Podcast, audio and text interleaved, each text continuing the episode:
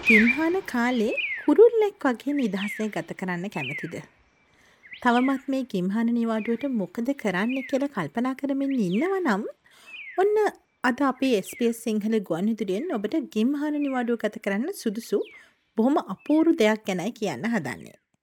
ඔබ දන්නවද අපි මේ ජීවත් වෙන රට කුරුළු විශේෂ ගණනාවකට ආවේනික කුරුළු විශේෂවලට ඒ වගේම සංක්‍රමණික කුරුළු විශේෂ ගණනාවකට නිවහන වුණු කුරුළු පාරාදීසයක් බව.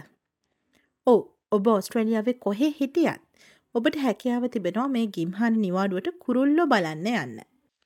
ඔබ පක්ෂ නිරීක්ෂකයෙක් නොවනත් පවුල ඇත් එක්ක ළඟම තියෙන කුරුළු උයනකට කුරුල්ලන් ගැවසන තැනකට ගිහින් වැඩිවියදමක් නැතුවම අලුත් රසවත් අත්දැකීමක් ජීවිතයට එක්කර ගන්නට ඔබට හැකියාව තිබෙනවා. ඉතින් මේ ගැන තමයි අද දවස අපේ කතාබහ. මේ කතාබහට අද අප සමඟ එකතු වන්නේ වොලොංගොං විශ්වවිද්‍යාලයේ ජෛවීය විද්‍යාංශයේ පක්ෂීන් සම්බන්ධාචාර්ය උපාධි අපේක්ෂිකාවක් වන දුල්මිනී ජයනිතා ලියනගේ.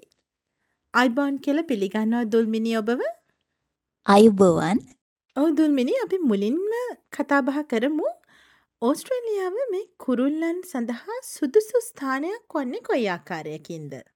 ඔව් අපි දන්නවා ඕස්ට්‍රේලියාව ඇතුලේ පරිසර පද්ධති ගණනාවක් තියෙනවා.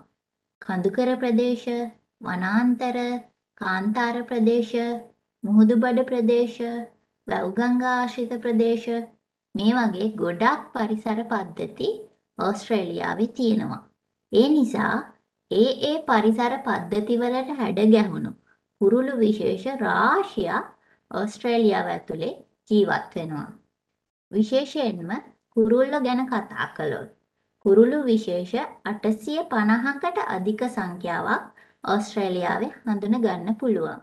ඒ විශේෂ වලින් 150කට ආසන්න ප්‍රමාණයක් ඕස්ට්‍රේලියාවට ආවේනික කුරුළු විශේෂ.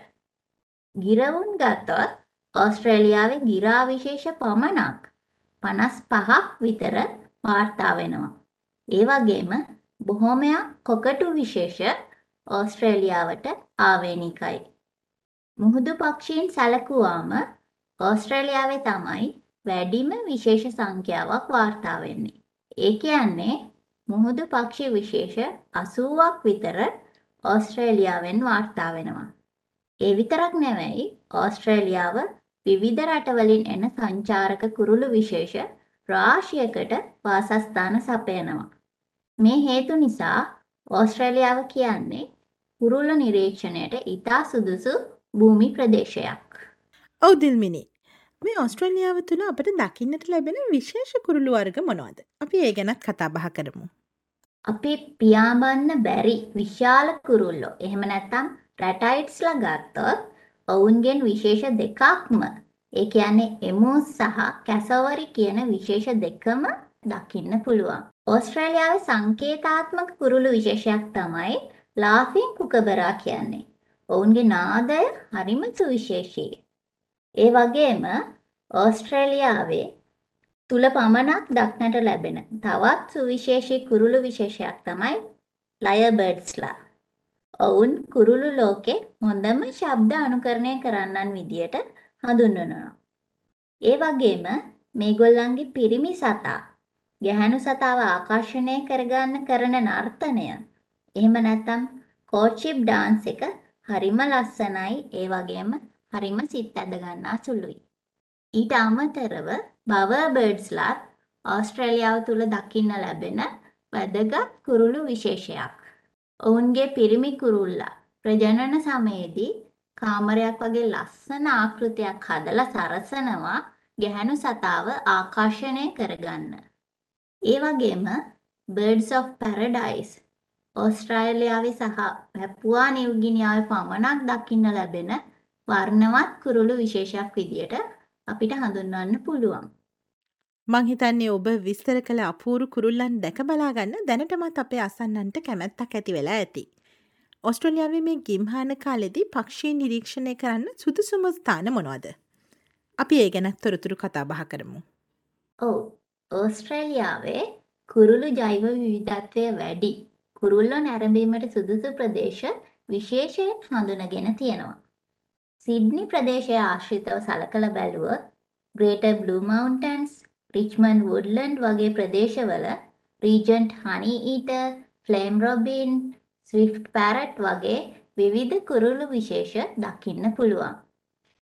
මෙල්බර්න් වල වෙරිබී සහ ඇවලොන් ප්‍රදේශ, ඒ වගේම චීටම් සහ ඇල්ටෝනා ප්‍රදේශ ජලාශ්‍රිත සහ වෙරලාශ්‍රිත කුරුල්ලන් නිරීක්ෂණයට ඉතාම සුදුසුයි. බ්‍රිස්බේන් වගේම ගෝල්ඩ් කෝස්ට් ගත්තොත් මෝටන් බේ, පමිස්ටෝන් පැසේජ් වෙරලාශ්‍රිත සංචාරක කුරුල්ලන් සඳහා ප්‍රසිද්ධියක් උසුලනවා. ඒ වගේම සීනික් රිම් ප්‍රදේශය සැටින් සහ රීජන්ට් බවර්බර්ඩ්ස්ලා නිරීක්ෂණයට සුදුසුයි. කේන්ස් ඩේන්ට්‍රී වනාන්තර ප්‍රදේශවල සදර්න් කැසවරි සහ අනෙකුත් කුරුළු විශේෂ ගණනාවක් දකින්න හැකියාව තියෙනවා. ඩාවින් වල ඇලිගේටර් රිවර්, ඇඩිලීඩ් රිවර් සහ එම ජලපෝෂක ප්‍රදේශවල මැග්පයි ගීස් සහ විස්ලිං ඩක්ස් ලා දකින්න පුළුවන්. හොබාට් වල බ්‍රූනි අයිලන්ඩ් සහ සවුත් ඊස්ට් ටස්මේනියා වල 40 spotted පාඩලොට් ටස්මේනියන් නේටිව් හෙන් අපිට නිරීක්ෂණය කරන්න පුළුවන්. මීට අමතරව ඇඩිලීඩ් ප්‍රදේශය ආශ්‍රිතව ලේක් ඇලෙක්සන්ඩ්‍රිනා සහ lake Albert ප්‍රදේශවලදී Cape Barren goose Australian shelduck වගේ කුරුළු විශේෂ දැකීමට හැකියාව තියෙනවා. කැන්ගරු අයිලන්ඩ් ප්‍රදේශයේ වෙරලාශ්‍රිත සහ ජලාශ්‍රිත කුරුළු විශේෂ බොහොමයක් අපිට නිරීක්ෂණය කරන්න පුළුවන්. ඔව් ඔබ සඳහන් කළ මේ ඕනම තැනකට ගිහින් කුරුල්ල බලන්න බලාපොරොත්තු වෙන කෙනෙක්ට මේ ගිම්හාන කාලෙදී පක්ෂි නිරීක්ෂණය රසවත් ඒ වගේම අමතක නොවන අත්දැකීමක් කරගන්නේ කොහොමද. ඔන්න ඒ සඳහා දැනගත යුතු දේවල් මොනවද. අපි අවසාන වශයෙන් කතා බහ කරමු. ඔව්. කුරුල්ලන් නිරීක්ෂණයට දවසේ හොඳම වෙලාව තමයි උදෑසන හිරු නැගීමට පෙර වෙලාව. මේ වෙලාවට තමයි ඔවුන් වඩාත්ම ක්‍රියාකාරී සහ ඔවුන්ගේ ශබ්දය වැඩිම වෙන්නේ. ඒ නිසා උදෑසන කාලයේ ඔවුන්ව නිරීක්ෂණය කරන්න වගේම හඳුනගන්නත් පහසුයි. මීට අමතරව කුරුල්ලන් නිරීක්ෂණයට අපිට සවස් කාලය යොදා ගන්න පුළුවන්. දුරේක්ෂයක් භාවිත කළොත් කුරුල්ලන් හඳුනා ගන්න වගේම ඔවුන්ගේ හැසිරීම් රටා පැහැදිලිව නිරීක්ෂණය කරන්නත් හැකියාවක් තියෙනවා. කුරුල්ලන් හඳුනා ගන්න බර්ඩ් ගයිඩ්ස් එහෙම නැත්නම් කුරුළු මාර්ගෝපදේශ යොදා ගන්න පුළුවන්. මේ බර්ඩ් ගයිඩ්ස් පොත් විදියට වගේම මොබයිල් ඇප්ස් විදියට ජංගම දුරකථනයට පහසුවෙන් ඩවුන්ලෝඩ් කරගන්නත් පුළුවන්. කැමරාවක් භාවිත කරලා කුරුල්ලන්ගේ ඡායාරූප අරගෙන වගේම ඔවුන්ගේ හඬ පටිගත කිරීම මගිනුත් අපිට කුරුල්ලන්ව හඳුනා ගැනීමේ හැකියාව තියෙනවා. ඒ විතරක් නෙවෙයි කුරුල්ලන් නිරීක්ෂණයට යද්දී පරිසරයේ වර්ණවලට සමාන වර්ණවල ඇඳුම් එහෙම නැත්නම් කැමෆ්ලාජ් ඇඳුම් ඇඳීමෙන් ඔවුන්ගේ ස්වභාවික හැසිරීම් වලට බාධා නොකර ඔවුන්ව නිරීක්ෂණය කරන්න පුළුවන්.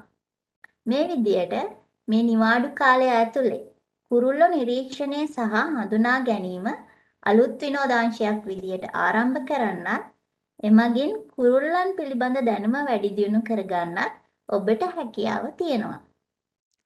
ඔව් ඔබට මේ ගිම්හාන නිවාඩුවේදී සුන්දර අත්දැකීමක් ජීවිතයට එක් කරගන්න හිතුනොත් ඔන්න ඔස්ට්‍රලියාව පුරාම ඉන්න කුරුල්ලෝ බලන්න යන්න හැකියාව තිබෙනවා. ඒ ගැන වැදගත් මෙන්ම රසවත් තොරතුරු තමයි අද SBS සිංහල ගුවන්විදුලියෙන් අපි අරගෙන ආවේ.